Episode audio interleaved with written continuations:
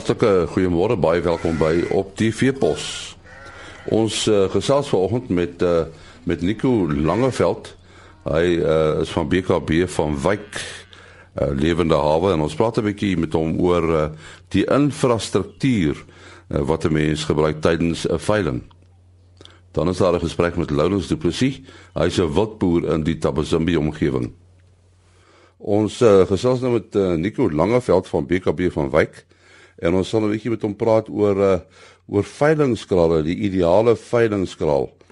Nou veilingskrale uh klink vir my so onbelangrik in 'n sekere sin, maar in, uh, aan die ander kant Nico is dit ook 'n belangrike konstruksie, nee, veilingskrale uh moet al sekere vereistes voldoen. Wat is vir jou die uh die ideale veilingskraal?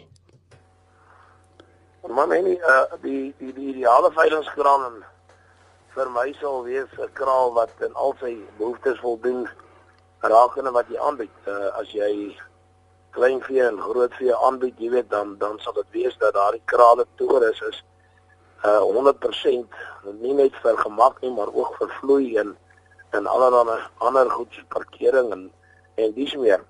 So ek sê dit is ideale uh, die ideale veilingskraal. Ja, wat nogal deesdae gebeur, mense kan nie net veilingskrale nie. Dit word nou eintlik 'n veilingskompleks, nê? Nee. Dis korrek en ja, die meeste van hierdie veilinge het uh, het almal uh, het almal arenas en en, en dit word maar uh, na verwys as die kompleks en binne in, in daardie kompleks is daar ook dan nou uh, jou kantore en, en daar's ook 'n blisiegeriewe en daar's daar ook kafeterias.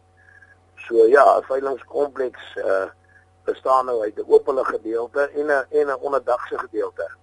En in die moderne era waar waar daar baie druk op die afslaers is rakende die diere self van die DBV se kant af en organisasies wat uh, wat wat uh, wat vir die diere baie werk uh, doen.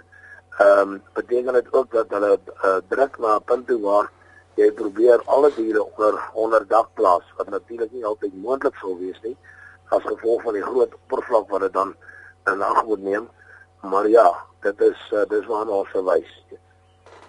Ja, as ons nou so van 'n kompleks praat, ehm um, Hoe maak die afslaer homself hoorbaar? Uh, akoestiek speel seker 'n belangrike rol.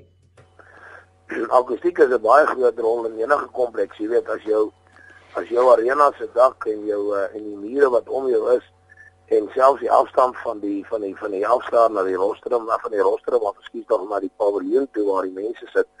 As dit te ver is en daar in jou stem raak weg, ons sê, of daar is 'n trek gewind wat daar deur waai en om en om en om onderdruk dan uh, dan as die akoestiek baie swak is, korrek ja, hoe laer jou dak sal wees, het gewoonlik 'n groot rol te speel in jou akoestiek vermoë. Jy weet, sodra jou dak 'n bietjie hoog is, dan dan is jou akoestiek 'n uh, bietjie swakker en dit uh meen dat die mense wat verder van jou af is, jy weet, dan jou baie moeiliker hoor.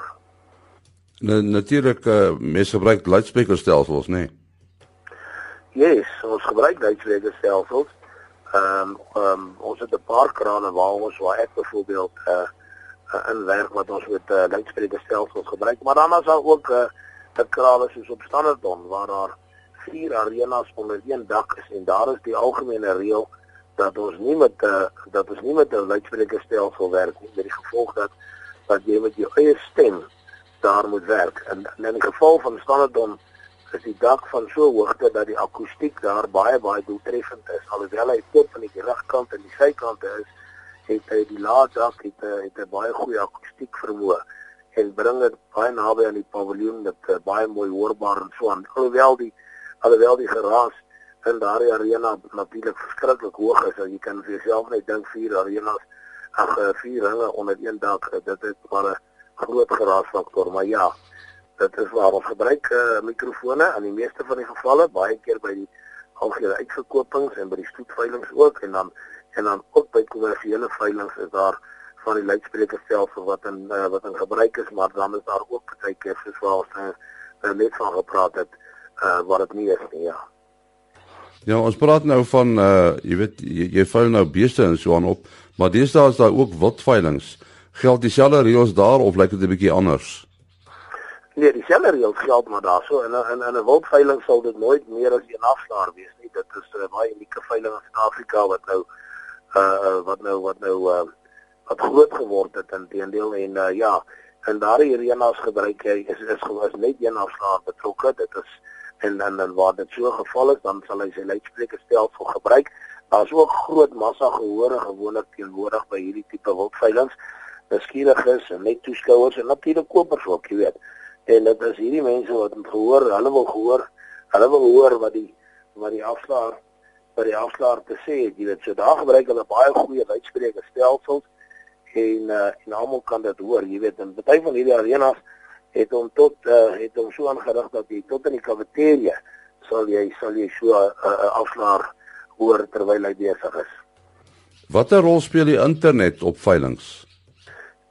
Man die internet by ons uh, uh die rol wat die internet speel is is, is meer meerendeels natuurlik by die betalings van die persone die die kopers wat betaal.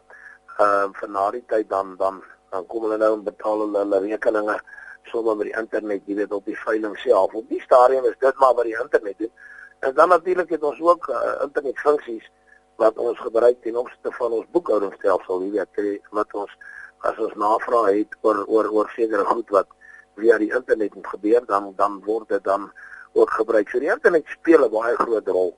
Uh die tegnologie uh die tegnologie word ook verbeter soos wat die internet en al hierdie tegnologiese goed gevorder word ook verbeter sodat die sodat die afstaar se aanbod wat hy maak, die bod wat hy maak, dan op 'n uh, op 'n vertoonskerm per bod uh, getoon word. So tegnologie uh, as sulks word al hoe groter uh, rolspeler by veilinge. Maar jy jy sê veilinge is maar nog die die beste manier om uh, om vee te verhandel. Kyk, in my opinie is dit so, ja. Ek is nou 'n uh, uh, uh, afslaer van beroepsy, die aardvisal hoor ek nie aan antwoord hê nie. Maar ehm um, daar is ander faktore wat ons uh, daar's ander kanale wat ons ook gebruik uh in die vorm van uit die hand transaksies uh jy weet skakeldienste soos wat hulle die mooi woord in Afrikaans sal sê en uh en dan natuurlik ook uh uh um uh, abattoirs waar jy waar jy slag uh, slagveeplase waar jy jou vee kan gaan slag. Maar uh die die die katalisator in Suid-Afrika en en in die wêreld bly nog steeds die veiling. Die veiling bly in die wêreld buitekant uh Suid-Afrika se grense, in Amerika, Brasilië en en en in Australië en die plekke bly die veiling die katalisator van die prys. Dis waar markvraag en aanbod bymekaar kom en dit bepaal tog mos maar die prys. So ja, die veiling is vir my nog steeds absoluut die beste plek waar jy jou waar jy jou vee kan verhandel. Ja, baie dankie Nico Langeveld van BKB van Wyk lewende hawe. En nou veiling nuus. Die 15de produksieveiling van die De Jager boerdery Wian Kindertrust groep vind op die 28ste Oktober by oude woning Roadside plaas. Die aanbod is 1600 flits merinos. OVK CMW is die veilingmaatskappy. En dan ook op dieselfde datum, die 28ste Oktober, uh, is die Noordwes Angus klipveiling en dit vind plaas by die Lichtenburg skougronde. Die aanbod 25 bulle en 60 vroulike stoet en graaddiere. Ook op dieselfde datum die 28ste Henko Bonsmaras die uh, houe veiling by Lowerland Priska 40 bulle en 200 vroulike diere is die aanbod. En dan op die 29ste Oktober is die 11ste Bhutan en gasverkoper Simbra aandeel veiling by Swazirenike veilingkrale. Daar's 250 kommersiële vroulike Simbras en Noord-Kaap lewende hawe op Vryburg hanteer die veiling. Tot sover veiling nuus. 8085. En uh, nou gesels ons met Laurens Du Plessis, hy's 'n wildboer en hy's uh, die eienaar van Louma Wildboerdery. Uh vertel ons 'n bietjie meer van jou boerdery. Is is die wildboerdery jou hoofvertakking of is dit 'n syfertakking? Nee nee nee, dis net 'n syfertakking van ons uh boerdery. Ons is hoofsaaklik in in besproeiingsboerdery graanproduksie. Mielies, koring en sojabone. Nou as 'n mens in daardie omgewing woon, jy weet dit is maar bosveld, dan is sal dit seker snaaks wees dat 'n mens nie met wild boer nie, né? Ja, die wildboerdery het het, het, het redelik uh uh oorgeneem in ons gebied as gevolg van die uh, pryse wat so eksponensieel uh die hoogte geskiet het die afgelope tyd. Uh in die afgelope 10 jaar, ons het so effens 'n afplanting in die wildbedryf nou wat sekere ek dink eerder dalk beleggers en nuwe toetreders in in in die bedryf dalk 'n bietjie afskrik, maar my boodskap aan hulle is dis eintlik die regte ding wat gebeur het. Uh die wat wat jy mee boer, is is is dit uh vir jagdoeleindes? Ons is in die uh jagbedryf ook, so ons uh ek self is nie direk betrokke daarin nie. So ons het maar agente wat uh, buitelandse jagters uh by ons uitbring en hulle hanteer hulle. En dan is ons uh, hoofsaaklik uh, maar in die teelmark. So die jag is maar ons swakker diere wat ons uitselekteer wat vir jagdoeleindes aangewend word. Nou uh, as ons nou met skaapboere praat dan vra mense altyd uh, die vraag oor die meerlinge. Uh maar jy jy het nou tweelinge daar op jou plaas uh, in die wildbedryf. Vertel ons 'n bietjie meer daarvan. Ja, en ons het die afgelope seisoen, die afgelope 12 maande, eintlik 16 maande, het ons uh, hier verskillende drie verskillende spesies het ons tweelinge gehad. Uh Livingston elande, uh buffels en swarte pense. Ek het maar bietjie baie navraag gedoen daaroor hoekom en uh ons voedingkundige uh se direkte antwoord was maar dit dit dit is grootliks genetika en dan natuurlik voeding. So jou genetiese potensiaal word maar uitgebring wanneer jy goeie voeding het. Dit help nie jy het goeie genetiese uh uh potensiaal onder jou spesies in terme van tweelinge en jou voeding is reg. So dis 'n dis 'n 50-50 situasie wat maar gebeur het hier. En dis nou die eerste keer wat ons dit ervaar. Uh so dis vir my ook 'n groot verrassing geweest wat gebeur het hier. Uh, vertel ons iets oor jou voerregime.